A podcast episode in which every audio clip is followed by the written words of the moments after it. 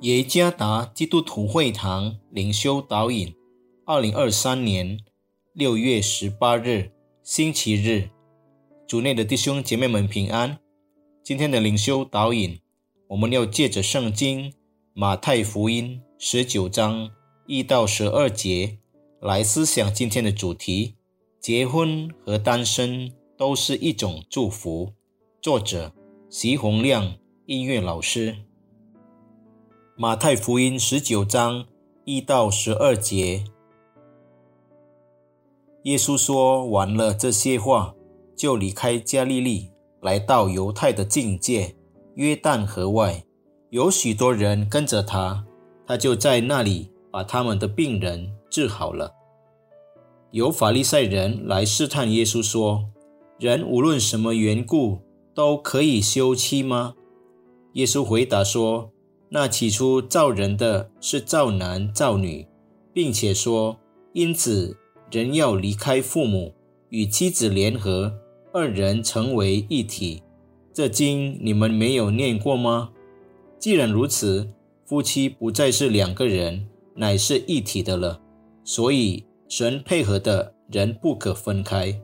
法利赛人说：这样，摩西为什么吩咐给妻子休书？就可以休他呢？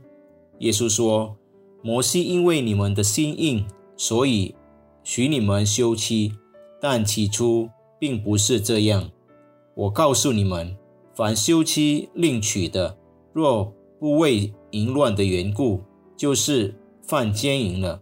有人娶那被休的妇人，也是犯奸淫了。”门徒对耶稣说：“人和妻子既是这样，倒不如不娶。”耶稣说：“这话不是人都能领受的，唯独赐给谁，谁才能领受。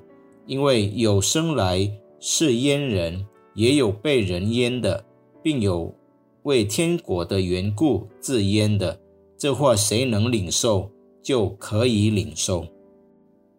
婚姻几乎一直是很多人热衷的话题，然而不少人也将其视为。”令人不安的讨论，这与个人的文化和所处的环境有关系。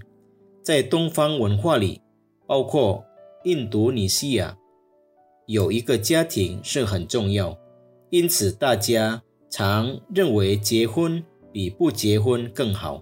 这就是为什么单身的人，尤其是已到了一定年龄，会被人用不同的眼光看待。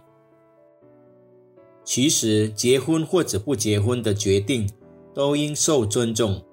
这两种决定是个人与上帝的关系。如果是上帝的引导，自然上帝都喜悦。但是如果这个决定没有正确的基础，这些决定很可能会留下负面的后果，甚至影响一生的生活。其中之一就是离婚。这种情况在旧约时代就已经存在。当时的以色列人向摩西强烈要求准许丈夫写休书。摩西后来决定让他们写休书，不是因为他乐意做的，仍是因为以色列人的心刚硬，因为这显然与上帝设立婚姻的旨意不同。法利赛人来询问。想知道主耶稣对离婚的看法，他们的用意是想陷害他。主耶稣并没有中他们的圈套，直接回答他们提出来的问题。耶稣先引导他们去理解上帝创造人类的目的，让他们明白很重要的一点，那就是婚姻的本质。神所配合的人不可分开。可惜的是，门徒们误解了耶稣的回答。他们以为独身似乎比结婚更好，所面对的风险更小。耶稣再次智慧地解释：过单身生活的决定有上帝的指示引导。